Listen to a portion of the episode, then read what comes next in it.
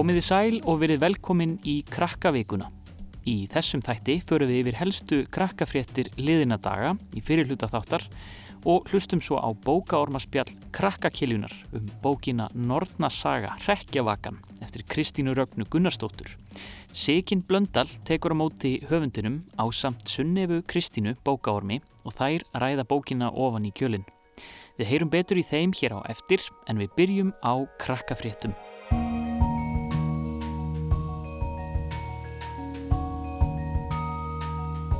Í síðustu viku voru tilkynntar breytingar sem verða bráðum gerðar á samkomubanninu. Það þýðir að margt í samfélaginu verður aðeins líkar af því sem það var áður. Breytingarnar verða gerðar fjórða mæ. Hámarks fjöldi fólks sem á koma saman í einu rými verður 50 manns í stað 20 eins og er núna.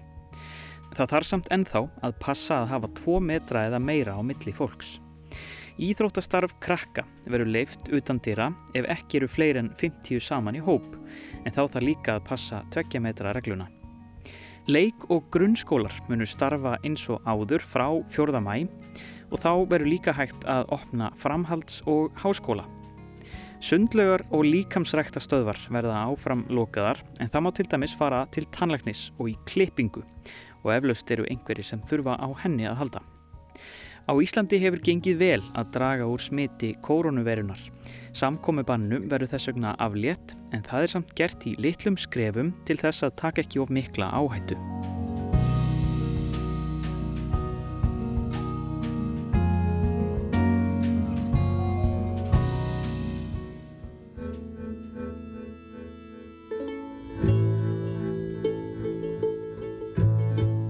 Þegar kemur á því að rannsaka og lækna hérna ímsu sjúkdóma skiptir miklu máli að hafa góða lækna, spítala og aðrar heilbreyði stopnanir. Stærsta stopnun í heimi sem sérhafi sig í þeim málum heitir Alþjóða heilbreyðistopnunin. Hún var stopnuð 7. apríl 1948. Sá dagur er alþjóðlegur dagur heilsu. Stopnunin tilherir enn stærri stopnun sem heitir Saminuðu þjóðirnar. Þær voru stopnaðar árið 1945 af 51 ríki sem vildi viðhalda friði í heiminum og bæta alþjóðlegt samstarf og öryggi. Aðildaríkjónum hefur fjölgað mjög mikið og þau eru nú 193 talsins. Ísland er þar á meðal. Alþjóða heilbriðistofnunin hefur yfir umsjón með allskynns heilbriðis rannsóknum, leitað bóluöfnum og lækningum við sjúkdómum. Hún setur viðmið sem heilbriðistofnanir aðildaríkja saminuðu þjóðana fylgja. Hún sér líka til þess að þjóðir vinni vel saman til að viðhalda heilbriði jarðabúa. Það á sérstaklega við í barátunni gegn smittsjúkdómum eins og COVID-19.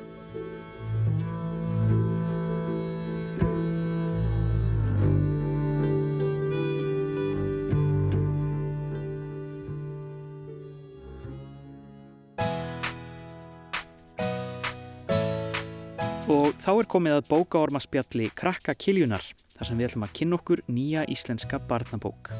Sigin Blöndal tekur nú við. Í bókaormaspjallinu í dag eru þar mættar hingað Kristín Ragnar, reytöfundur og myndskreitir og Sunneva, bókaormur. Þið hefur nú báðar komið til okkar áður þannig að það þekkja allir hér hvernig þetta gengur fyrir sig. En Sunneva, þú fegst alveg frábært verkefni, verði nú að segja. Það var að lesa þessa flottu bók hérna, Nortnasaga, Rekja Vakan. Hvernig Já. fannst þér þessi bók? Hún var mjög skemmtileg og E- hún er rústlega spennandi. Mjög spennandi. Já, ég held ég getur nú alveg verið sammála því. En getur þú sagt okkur aðeins hvað gerist í þessari sög? Uh, það gerist mjög margt. hún er um kallu sem hleypur á snort til Ísland sem veldur ýmsum óskunda þar. Hún breytir meðal annars fólki í styttur og gerir Hallgrímskirkju að hölsinni. Þess var að byrta stularfelli menn með sólgleru, halalausa rottur og manni í starrar í borginni og eins og það sé ekki náður líka komin sæskrimsli í tjörnina og kalla þarf að bjarga þessu öllu og meira. Nákvæmlega. Þannig að þetta var spennandi verkefni að klára þessa bók. Ha? Já. En Kristín Ragnar til hamingju með Nortnasögu. Þakkaði fyrir. Þetta er hérna, hún er alveg alveg gríðarlega spennandi þessi, en þetta er bara rétt byrjunin. Já, hvað? þetta er fyrsta af þremur.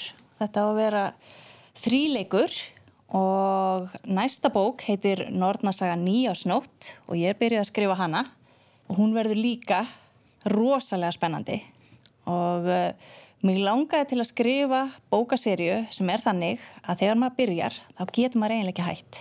Það var svona það sem ég lagði af stað með og ég held sveimir þá að mér hafi tekist það. Já, upplýðið þú það? Já, Sunniva, svona freka mikið. get ekki lagt bókina frá þér, já, akkurat. En hvernig er að blanda saman að því að þú, eh, þú er náttúrulega gert þetta áður í Úlf og Eddu Já. að nota hérna svona þessar þekktu personur sem að við þekkjum um Norðinu Góðafræði til dæmis og, og hérna, en núna er, erum við samt bara í Reykjavík. Já, mér langaði að gera sögu sem að gerist hér en sko heimur norræna góðsagna, hann er bara svo skemmtilegur og spennandi og alltaf eftir því sem að ég kynni mér hann meira og kynnist personum góðafræðina meira að þá bara sprett upp endalausar hugmyndir og í þessu tilfelli að þá er hér persona sem heitir Gullveig og hún hefur fyllt mér lengi alveg frá því að ég var að fást við Völusbá hérna með Þórarni Eldjátt og síðan áfram alveg nokkur sinnum þá hef ég gert myndir af henni og hún var á nafnspjaldinu mínu lengi vel. Þannig að hún var farin að kvarta yfir að fá ekki vera með. Hún var ekki með í Úlfættu Nei. en þar voru margar rosalegar kvennpersonur sem ég var að reyna svona að íta fram á sviðið þannig að hún bara reynlega bankaði öxlun á mér og saði bara nú er komið að mér Já. ég vil fá að vera með Hún vildi stærra hlutverk. Já, og hún fékk það. hún fekk það, algjörlega. En við báðum þig, Sunnefa, um að skrifa niður nokkru spurningar til hennar Kristínar sem að þér svona kannski dætt í hugum meðan þú varst að lesa. Þannig að nú máttu bara skjóta á hana. Um, af hverju, uh, hvenær dattir í hug Norræn góðafræði? Uh, hvenær kviknaði áhugið þenn á henni? Sko, þegar ég var lítil að þá bjó ég í nokkrum löndum og kynntist svona góðsögnum frá mismunandi menningasvæðum og mér fannst alltaf rosalega gaman að lesa góðsagnir og líka þjóðsugur og svona. Og svo flutti ég til Íslands, loksins, þegar ég var nýjára og fór að átta mig á því að við áttum eiginlega svona okkar góðsagnir. Og svo fekk ég þetta verkefni upp í hendurnar að kafa ofan í völusbá fyrir löngu síðan og síðan þá hef ég bara verið hugfangin algjörlega og er búin að vinna alveg ótal verkefni, batnasýningar og bækur og allt mögulegt upp úr norræni góðafræði. Og hvernig datti ég personan Dreki í hug? Kötturinn, Já. sko, ég á sjálf þrjá ketti, mikill kattavinnur, hef átt marga ketti gegnum tíðina. Ég hreinlega, það er oft þannig þegar ég er í hugmyndavinnu, þá er ég að gera svona hugmyndakort fyrir personurnar og, og skoða þeirra bakland og, og hvernig þau eru og svona, þá fer ég ofta að sjá eitthvað fyrir mér og ég hreinlega fór að sjá fyrir mér þennan síjamskött sem að var mjög ákveðin og hann dróð þarna eina personu eftir sér, eða ekki, þegar hann kemur fyrst í sögunar, já. Þannig að hann svona dregi svona spratt upp úr áhuga mínum á köttum, skulum við segja. Og kettir fylgja náttúrulega oft nornum, var Já. ekki það? Já. Já, akkurat. Ég varði eiginlega að spyrja um þetta af því að ég elska líka ketti. Já, já, þarna við skiljum þetta þá. Já, þrjár kattakonur Já. hérna. Það er algjörlega. skemmtilegra að skrifa eða teikna. Sko, mér finnst hvortvekja rosalega gaman og það sem mér finnst svo skemmtilegt við það er að ég er að nota ímyndunaraflið. Ég er að reyna, þegar ég er að teikna, þá er ég að reyna að sjá hluti fyrir mér og teikna það svo á blað og reyna að ná þeirri mynd sem ég sé í huganum. Það tekstu þetta ekkert alltaf en ég kemst oft nálægt í og það sama er í raun og vera að gera þegar ég er að skrifa að þá sé ég eitthvað fyrir mér, ímynda mér eitthvað og svo er ég að reyna að koma fram, þannig frá mér að þegar að krakkar lesa bækurna mínar að þá kemur mynd upp í hugan á þeim líka. Þannig að eh, þetta er náskilt því þegar maður er að skrifa þá er maður í raun og vera búið til myndir en maður notar annars vegar orð og hins vegar teikningar. Þannig að þetta er, þetta er ólíkt en samt náskilt og ég, sko ég hef unnið sem teiknari lengur heldur en rítuvendur en mér hefur langað til að vera rítuvendur alveg síðan ég var lítil. En ég fór fyrst og lærði að verða myndlistakona og svo fór ég og sökti mér ofan í bókmyndir og lærði líka bókmyndafræði og að skrifa þannig að eh, skulum segja að ég hafi byrjað á teikningunni og verið algjörlega djúftsokkin í teikningar en svo tók hitt við og ég núna er ég alveg jafnspennt fyrir teikningum og því að skrifa. Merkilegt, en hvað last þú þegar þú varst barn? Ég las mjög mikið og svona þær bækur sem að ég held mjög mikið upp á var Lísi undralandi, Pétur Pan, Hobbitin, Bróðu minn Ljón Sjarta og svo af því að ég er svona ennþá barn inn í mér að þá hef ég verið að lesa Harry Potter aftur og aftur, held mjög mikið upp á hann. Og svo finnst mér til dæmis blíðfinnur æðislu líka þannig að ég á mér margar uppáhaldsbækur. Og, en ég fór að velta því fyrir mér hvað eiga þessa bækur kannski sameinlegt og þær eru þannig að höfundarnir eru rosalega hugmyndaríkir og það er kannski það sem að má lýsa þannig má kannski lýsa bókonum sem að ég hef verið hrifnust af að þar er mikil hugmyndaauðgi í gangi Kannastu við eitthvað af þessum bókum sem voru nefna? Ég hef lesið eitthvað af þeim. Já. Og fannst þetta skemmtilegar? Já. En hvernig skrifar þú bækur? Ég byrja á hugmyndavinnunni og ég gef mér alveg mjög góðan tíma í hugmyndavinnu og þá er ég eins og þú með svona litla bók alltaf á mér og ég punta niður alls konar hugmyndir. Og ég fer eiginlega út um allt og ég er bara svona eiginlega að setja upp svona loftnett tek eftir öllu í kringum mig og svona reyna að fá hugmyndir frá umhverfinu. Og svo les ég bækur og til dæmis þegar ég er að fjalla um, bæk, um eitthvað sem tengist norðinni goðafræði þá alveg bara kafa ég ofan í bækur sem að tengjast því síðan fyrir ég að punkta þetta allt hjá mér og ég fyrir að búa til svona kort fyrir hverja personu svo fyrir ég að teikna upp söguþráðin og síðan svona fyrir ég smám saman að byrja að skrifa þannig að ég byrja mjög mikið á að hérna, byggja sögunu upp hugsa hugmyndina og svo að skrifa textan En við verðum að tala aðeins um hérna þessar myndir í bókinni. Hún er, þetta er nú bara sennilega einn fallegast barnabók sem hefur komið út. Takk fyrir. Hún er alveg bara, hún er rosalega flott og það, það er bara, það er svo gaman að lesa hana, ég veit ekki, áttu þú uppáhaldsmynd í bókinni? Mm, ég veit ekki alveg. Nei. Kanski myndin af sólförnum er flott. Já, hún er alveg mm. svakalega flott. Og svo er svo skemmtilegt að því að maður þekkir þú veist eins og hérna að þú þekkir þarna Hallgrímskirkju og, og svo ertu bara allt innu með drega já hérna fríkirkjuna en svo er allt innu komin gullidregin mm -hmm.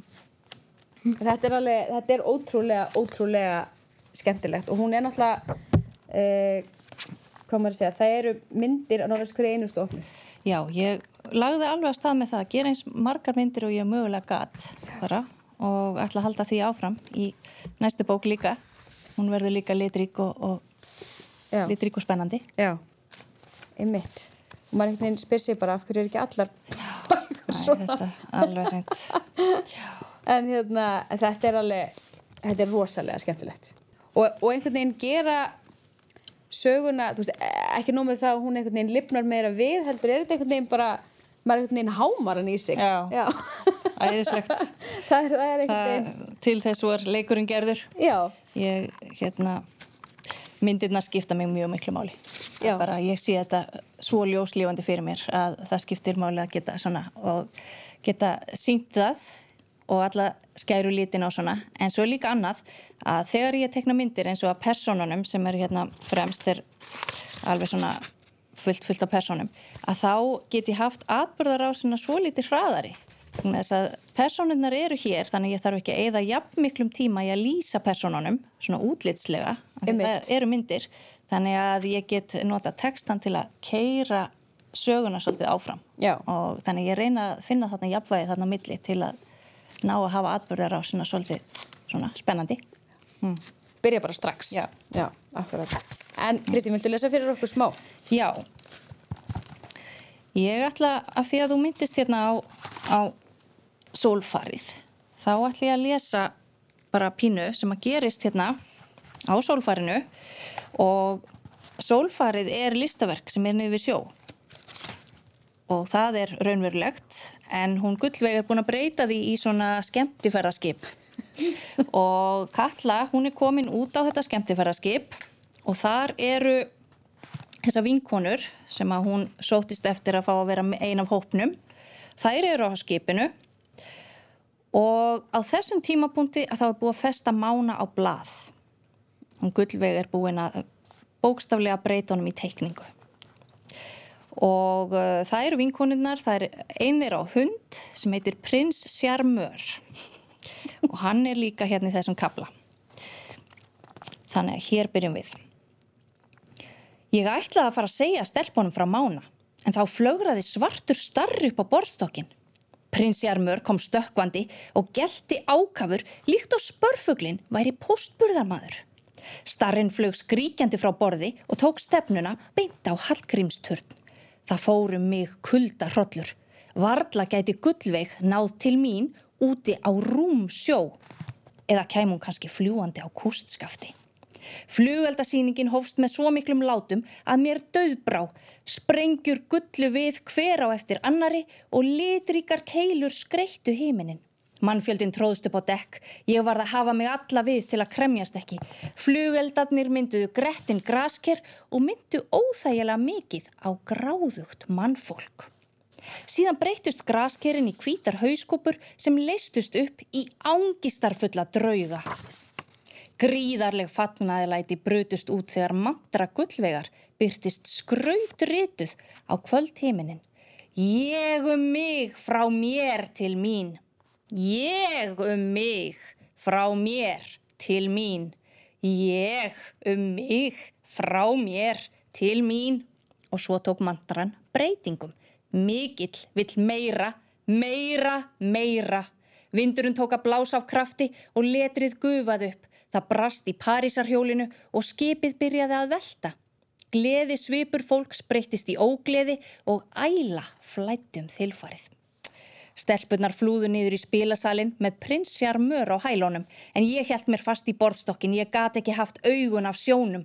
Eitthvað gilt hafði stungið sér til sunds við sjávar síðuna. Það nálgæðist skipið á ógnar hraða. Skeppnan var hraðskreið og færðist óðfluga nær sólfærinu. Sæskrimsli, lík þeim sem ég hefði séð á Íslandskortinu, fyldu í kjölfarið. Eitt var með fullskokk, annað leit út eins og hestur með sundfitt á framlöpunum. Við hlið þess svamlaði dýr sem myndi helst á ofvaksna rjúpu. Fleira fólk tók eftir skeppnunum og menn þustu að borðstoknum með börn sín í eftirdrægi líkt og þeir væru í sætýrasafni.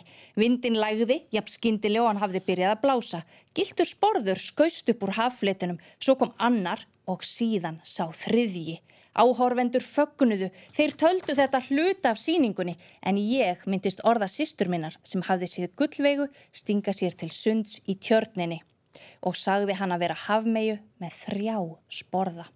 Hvað átti ég að gera? Ég gati ekkert flúið, skindilega skaust höfuð gullvegar úr kafi. Hún veifaði og áhorfenda skarinn ærðist. Drottningin er mætt! Hún er komin til að bjarga okkur úr sjávarháska. Við erum hinn útvöldu. Lengi lífi gullveig, húra, húra, húra, söng fólkið í kór. Bekkjasistur mínar kom upp á dekk hver á fætur annari og vinguðu gullvegu við hlið mér en síðan kom Nortnin auga á mig. Þvílíkt spennandi æfintýri sem við hlökkum til að fylgjast áfram með. Kristín Ragnar, Sunnöfa, takk kærlega fyrir komuna í Krakkagirjuna. Takk fyrir mig. Takk fyrir mig.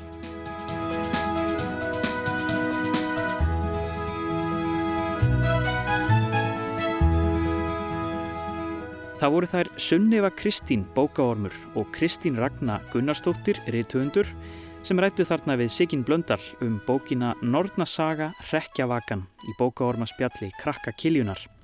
En þessu er lokið hjá okkur í kvöld. Krakka vikan verður hér á rás 1 eftir viku en það er auðvitað hægt að hlusta á krakkarúf.is og í appinu. Þánga til næst. Bless bless!